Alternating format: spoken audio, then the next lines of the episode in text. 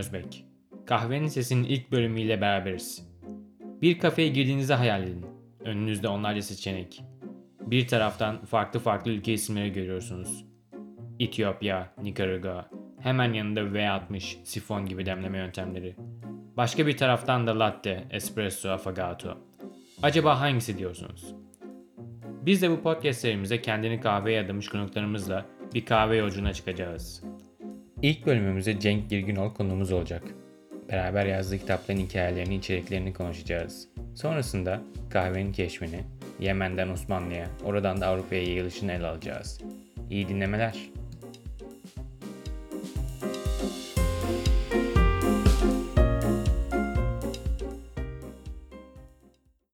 Merhaba Cenk Bey. Öncelikle bugün bizimle beraber olduğunuz için teşekkür ederiz. Ben teşekkür ederim. Biraz kendinizden bahsedebilir misiniz? Kendimden şöyle bahsedeyim. Ee, kahve ile ilgili kısmından bahsedersek e, 16 seneyi bitirmiş durumda e, kahve sektörünün içerisindeyim. Hem yöneticilikle başlayıp sonra eğitmenlik e, ve danışmanlıkla e, kahve sektörünün içerisinde hizmet veriyoruz. Aynı zamanda gastronomi yazarlığı ve Okan Üniversitesi'nde de öğretim görevlisiyim şu anda. Zaten kahve bilimi ve uygulamaları dersini veriyorum. Ee, genel olarak bu şu anda. İlk özet olarak bunu söyleyelim ama ondan sonrası zaten muhtemelen Evet. detaylarla daha güzel gelişecektir. en Ee, basit haliyle. ilk kitabınız, kitaplarınız var Evet, aslında. doğru. İlk kitabınız Kahve Topraktan Fincandan sonra, ikinci kitabınız Fincandan Lezzete de raflarda şu anda. Doğru. Ee, yeni kitabınıza geçmeden önce birazcık hani ilk kitabınızdan konuşalım isterseniz. Ee, kitabı okuduktan sonra ben şu şekilde düşündüm. Kahveyi seven, kahveyle ilgili e, daha çok bilgi edinmek isteyenler için çok güzel bir başlangıç noktası. Kahvenin topraktan başlayıp önümüzdeki fincana gel- gelme serüvenini anlatıyorsunuz. Çok güzel bir biçimde. Gördüğüm kadarıyla yani yoğun bir bilgi birikiminizi ve araştırmalarınızı güzel bir şekilde harmanlamışsınız bu kitapta. Biraz bahsedebilir misiniz? Şimdi şöyle 2016'da çıkan bir kitap. 2016 Nisan'da çıktı ama bunun öncesinde tabii serüveni şöyle gelişiyor. 2004'lerde hatta ben 2002 girişliyim. 2004'ler civarında ben kitap yazma hedefimi koymuştum. Yani bunu yakın çevrendeki arkadaşlarım hatta o dönemlerden de bilirler. E, çünkü neden koymuştum? 2002-2003'te ben yurt dışında eğitimlerini alırken kahve ile alakalı hep yurt içerisinde kaynak bulamıyorduk. Sıkıntı bu. O dönemlerin Google e, tarafındaki yükselişinin olmayışını varsayın. İnternet bile bu kadar yaygın değilken e, bir şekilde doğruyu bulma anlamında sıkıntılar yaşanıyordu. Bu bir. Kahve sektörü içerisindeki kahve firmaları kendi doğrularıyla bazı eğitimler vermeye çalışıyorlar ya da göstermeye çalışıyorlardı. Bu da taraflı yorumlara sebep oluyordu. Bu da iki. Yani ticari yorumlar bir nevi. Şimdi kaynak bulamıyorsunuz, araştırıyorsunuz. Ee, o dönemlerde zaten kahve sektörü ufak ufak ilerlemeye çalışıyor. Daha hani çok yeni diyebiliriz. Espresso, cappuccino, latte kavramlarının çok hatta farklı bile olduğu dönemler. Kaşıkla cappuccino'nun köpüklerinin konulduğu dönemlerden bahsediyoruz. O dönem doğrularıyla baz alırsak. Ee, bir kitap yazma ya da kitap yazmayla tabii direkt olarak başladım aslında. Bunu hani yadırgamamam lazım. İnkar edemem ama e, tabii ki o araştırmalar neticesinde belli müsvedde kağıtları ve şeyleri oluşmaya başladı. Bu da tabii kitap yazmaya doğru itti ve 2010 yılında biz e, ben o müsveddeleri daha doğrusu o artık tabanları birleştirmeye karar verdim ve artık bunu ete kemiğe büründürmek lazım. 2016'ya kadar 6 sene sürdü kitabın yazımı. Niye 6 sene sürdü? Bu genelde hep sorulan soru. Çünkü bizim benim verdiğim profesyonel eğitimler ya da profesyonel anlatış tarzımı kitaba yansıtmak istesem herhalde bir tane eğitimimi videoya çekip birine de kağıt kalemi verip sen bu eğitimde bu gördüğün, duyduğun e, şeyleri bir kağıda dök deseydim çok kolay olurdu. A'dan Z'ye ama çok uzun olurdu. Bin sayfalık bir kitap, çok sıkıcı bir kitap. E, o zaman amacına ulaşamazdı. Yani arttırmak işin kolayıydı. Biz azaltmayla ilgili 6 sene uğraştık. Niye uğraştık? Çünkü bir, bir kitap yazıyorsunuz, detay bilgi vermek zorundasınız. İşte kahvenin kavrulmasını yazıyorum ama kahvedeki işte defektleri yazamam. Yazmadım. Aa işte Arabica Robusta'yı arka arkaya diziyorum ama aa kafein değerlerini yazmayı unuttum. Yok böyle bir şey. Yani bir detay vereceksiniz, full bilgi vereceksiniz. İki o bilgi anlaşılır olacak ve bizim Türk insanının da maalesef en büyük sorunlarından bir tanesi ama bu dünya insanında da geçerli. Üç o bilgiyi tek bir cümlede öyle bir kelime yapısıyla vereceksiniz ki hem eksik olmayacak hem anlaşılır olacak hem bitecek iş. Yani bu çok zordu. Çünkü amaç bu kitapta da ikinci kitapta da bundan sonraki çıkacak şu anda hedef üçüncü kitap hazırlıkları da şu an başladı artık. O kitaplarda da amaç kahve severe ulaşmak. Amaç profesyonel baristaların e, yararlanabileceği evet bir kaynak, bir başucu kitabı diyebilirsin çok rahatlıkla. Ama sadece onlara yönelik bir akademik kitap değil bu kitap. Akademik kitap çıkarmak işin kolay kısmı değil. Bu sadece kahve severe ulaşsın. Bunu bir hemşire de alsın, bir öğretmen de alsın, bir ev hanımı da alsın, bir öğrenci de alsın. Her alan kahveyle alakası olmayan insanlar açsın. Aa desin bu meyve ağaçta mı yetişiyor? Aa şurada da yetişiyormuş, şöyle oluyormuş. Ben bunu tattım mı şuradan şunu alıyormuşum. Bütün bilgileri yapsın ve sade anlaşılır dille olsun. Biz bu amacı güderken e, bu iki buçuk yılda ilk kitap bazında bakarsak yine iki buçuk yıl içerisinde aldığım eleştirilerin çok büyük bir kısmında e, sanki bu e, amacımı duymuşlar yanımdaymışlar gibi 10 eleştirinin 4'ü 5'i diyebilirim ki çok net bir şekilde e, şey çok sade anlaşılır ve akıcı bir kitap olmuş. Tamam dedim yani doğru o zaman amaç tuttu. İşte akıcı ve sade değil güzel.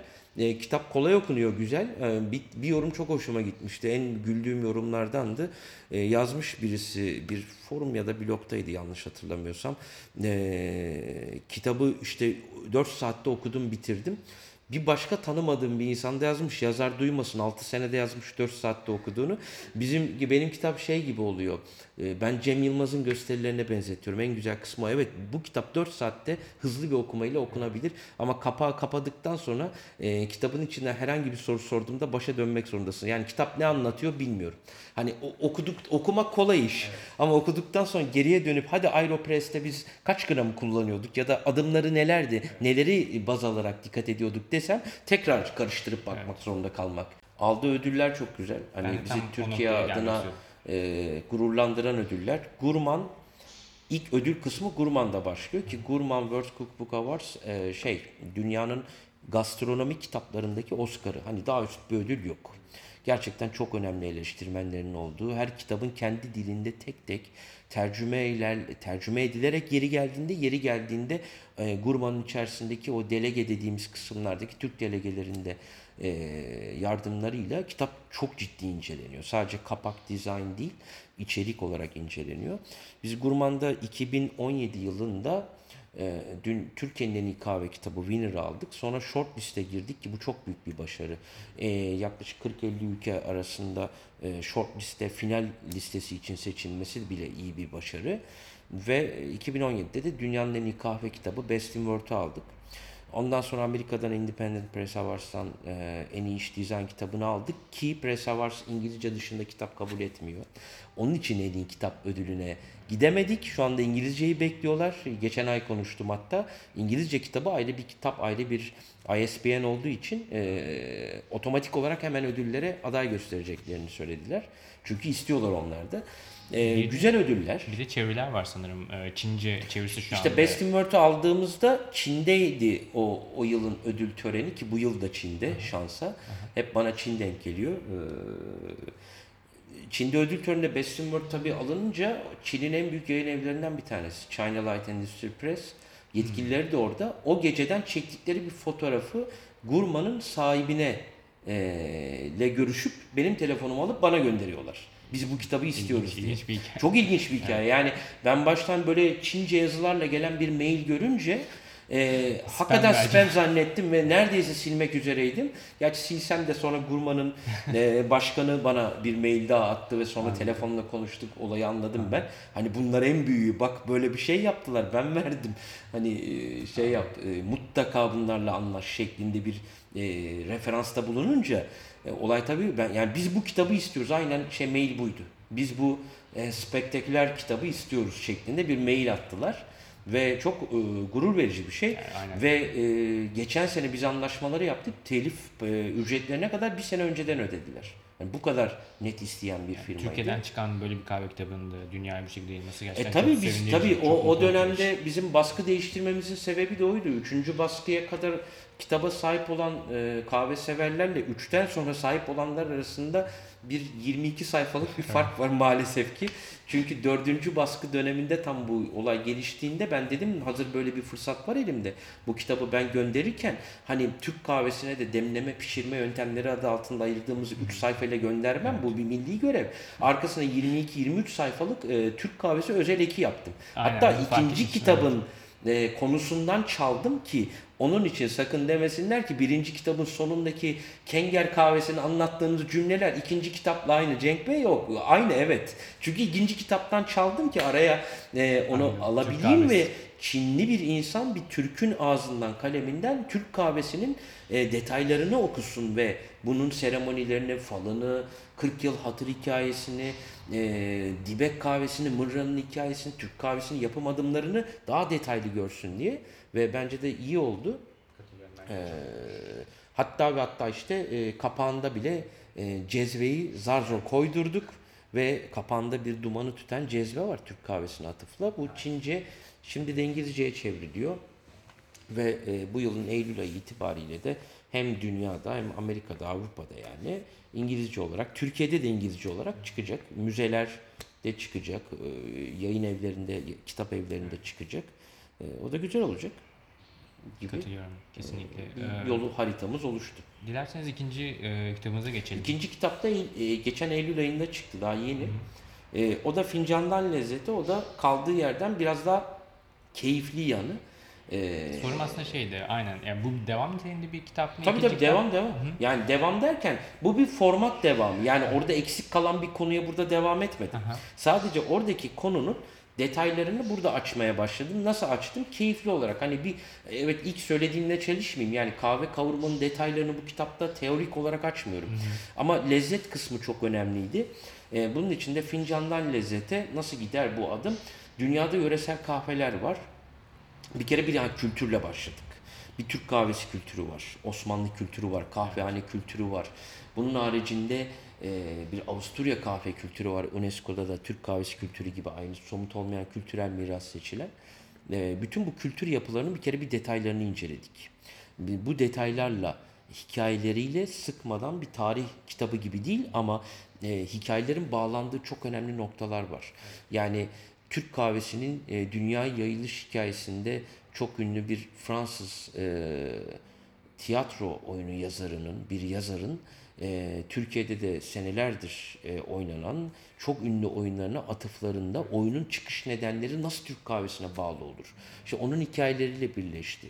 E, kahvenin keşfedilirken işte e, Medici'nin mesela nasıl e, başka bir çok bildiğimiz hatta evlerimizde bile şu anda her yemeğimizde kullandığımız sosların nasıl yapım keşfiyle kahvenin keşfi orada nasıl bir araya geldi, nasıl ilginç hikayeler çıktı onları anlattık. Sonra da yöresel kahvelere geçtik ki yöresel kahveler çok ilginç. Bunlar sadece benim ulaşabildiklerim. Hepsi tabii ki olamaz. Mümkün değil yani. Dünyadaki bütün yöreseller bunlardır Aslında diyemem. e, o, o konuyla ilgili şunu demek istiyordum. Hani incelikten sonra kitabı e, benim de en çok ilgimi çeken bölüm yöresel lezzetler bölümüydü. Zaten am- amaç oydu. Yani ikinci kitap neyi anlatıyor? Tek cümle derseniz içinden onu seçerim. Hani kültür mü, cupping mi, yöresel kısım mı, yöresel kısım. Evet, hani aynen. ilk amaç oydu çünkü e, onların hepsi tek tek e, kendi yörelerinden alındı. Evet mesela örnek vereyim hani e, menengiç kahvesinin aslında kahve çekirdeklerinden Ha, tabii yapılmaması. tabii o bir fıstık çeşidi. e, dibek kahvesinin işte yapım Ölçme. şekli. Ondan sonra işte e, Adana Gar kahvesi. Tabii tabii gibi. onlar Türk kahvesi kısmında. Bir de bunların Aha. yabancı kahveleri var. Esas öyle. yabancı Dünyanın- kahveler çok ilginç. Dünyanın her yerinden mesela Endonezya, Çin, Tabii, tabii. Arjantin, Meksika gibi lokal lezzetleri, lokal e, lezzetleri de getirmişsiniz. İşte Jakarta'da mesela Kopi Jos var. E, Karkoa Kafi diye de geçiyor. Kopi Jos e, bayağı bildiğimiz e, kömürü, meşe kömürünü, e, odun kömürü diyelim. Kömürü kahvenin, filit çok acı pişen filitle kahvenin içerisine atıyor. Kor halindeyken Jos diye bir ses çıkıyor ve e, kafe Jos, Kopi Jos deniyor buna da. Ve o çıkan sesten e, içinde bayağı kor halindeyken siz o kahveyi içiyorsunuz. Bu çok ilginç bir kahve. Diyeceksiniz ki ya böyle kahve mi içilir? Vallahi yapılan üniversitenin yaptığı araştırma testleri sonucunda e, sindirim sistemine çok büyük faydaları olduğu ortaya çıktı kahvenin. İlginç. Çok ilginç yani ben bu bilgilere ulaştıkça mesela bu bilgilere nasıl ulaştık? Google'dan mı yararlandık? Evet Google'dan yararlandığımız kısımlar tabii ki bu kahvelerin bir kere isimlerine ve çeşitlerine ulaşırken tabii ki e, yararlanma mümkün ama o kahvelerin hiçbirisinde hatta kahvelerin yanında yenen bizim çay simit benzeri şeyler varsa onların da tarifleri var. Bunların hiçbirisini herhangi bir kaynaktan almadık biz. Direkt bayağı yerinden aldık. Mesela işte o Jakarta'da biz e, Endonezya şeyiyle e, konsolosuyla görüştük. Oradaki insanlardan bilgiler aldık. İşte İsveç'teki pepper kakor ve fikayı anlatırken hem fikanın detayları hem zencefilli kurabiye yiyorlar yanında en çok ve kanerbuller yiyorlar. Ama pepper kakor daha ön planda. Bayağı biz e, oradaki dostlarımızı dedik ki rica ettik gidin lütfen biz bulduğumuz adres bu. Hani en doğru, en böyle traditional, geleneksel yapan kişi bu. Hani biz bir şef değiliz. Biz bir e, şey bilir kişi raporu hazırlamıyoruz. Ama biz hani özelliği olsun gidip bir yerden alma. Gittiler oradan pepper kakorun tarifini aldılar mesela. Hani çünkü hani bunu yapıyorsak e, Google'dan ya da herhangi bir kitaptan aç da kopyala yapıştır yap değil. Hani bunun bir özelliği olsun. Hani ben bir şef de değilim, bir bilir kişi de değilim bu alanda ama Bu yöresel lezzetleri mesela yani tatma fırsatınız da oldu mu? Bazı? Tabii, tabii. Bunlardan Birçok- biraz anlatabilir misiniz ya, maceralarınızı? keyifli hani bir bence hani en keyiflilerinden bir tanesi herkesin meşhur e, iğrendiği diyebiliriz. Yumurtalı kahveler, ek kahveler. Hakikaten çok ilginç ama yani bence deneyin. Yani birebir ama birebir e, kitaptaki tarifini e, şey yapın, uygulayın. Aha. E, ve kendinizi yumurtalı bir kahve ya yumurta mı var vesaire gibi bir hikayenin içine sürüklemeyin. Bayağı tiramisu e, yiyormuş gibi hissediyorsunuz. Gerçekten. Yani tatları çok keyifli oluyor esasında. Birçoğunda şey alkollü kahveler var, alkolsüzler var. İşte mazagran var mesela Fas'ta kaleyi kuşattıklarında e, askerlerin ayık kalması için yapılan bir kahve. Fransa'ya döndüklerinde Fransızlar mazagran diye devam ettiriyorlar o geleneği. İşte ayık kalmak için kahvenin içine limon ve e, konyak e, koyuyorlar. E, hem serinletme oradaki sıcağı serinletme hem de ayık kalma hikayesi olarak çok ilginç noktalara geliyor. Çok ilginç İşte- yerler var evet. Tabii tabii Bicerini mesela Torino'da özellikle o meşhur e, tarifini almak için Torino'ya gittiğinde ben bizzat daha öncesinde almıştım. Tiramisu ilk kitapta vardı. Tiramisu da benim Trieste'de e, çok e, sevdiğim bir arkadaşım İtalyan'dan aldım. Orijinal bir tarif. Birebir aynısını yapın. Yapması vallahi iki gün sürüyor söyleyeyim. Öyle basit tiramisu'lar gibi düşünmeyin. Yani İlginç. tek tek espresso yedireceksiniz. Mascarpone'unuzu kendiniz yapacaksınız.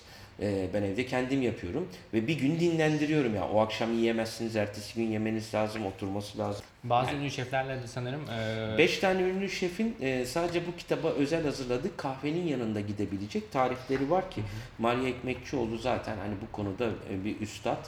E, harika bir e, tarifi var bence o e, şeyi Petit Four tarifini şunu Aha. e, e, uygulasınlar biraz zor bir tarif ganajıyla. Aha. Aydın Demir zaten e, Türkiye'nin duayen şeflerinden. Onun da portakallı bademli ıslak keki. Evet. İşte granola Rafet İnce e, hem çok yakın dostum hem o da kendi alanının duayenlerinden. Evet. E, Pelin Bozkurt'tan bir bal kapaklı crumble'la biz bu işi dört şefle bitirdik derken bir baktık ki beşinci bir şef daha eklendi. E, deli dolu bir insan Diler. E, bir ekmek e, ustası, ekmek yapım ustası. Biz dört tarifte hani bitirelim. Hani ben sonuçta şef değilim, aşçı değilim. Hani e, e, şeyimizin e, ötesine geçmeyelim e, yaptığımız işin derken dedi ki ekmek olmaz mı? Dedim ki olur. Gel. Gel ve kahveli ekmek yaptık. Sohbetimizin ilk bölümünü tamamladık. Umarım sizler için de keyifli bir dinleti olmuştur. Bölümde bahsi geçen konuların linklerini podcast'in açıklama kısmında bulabilirsiniz. Hoşçakalın.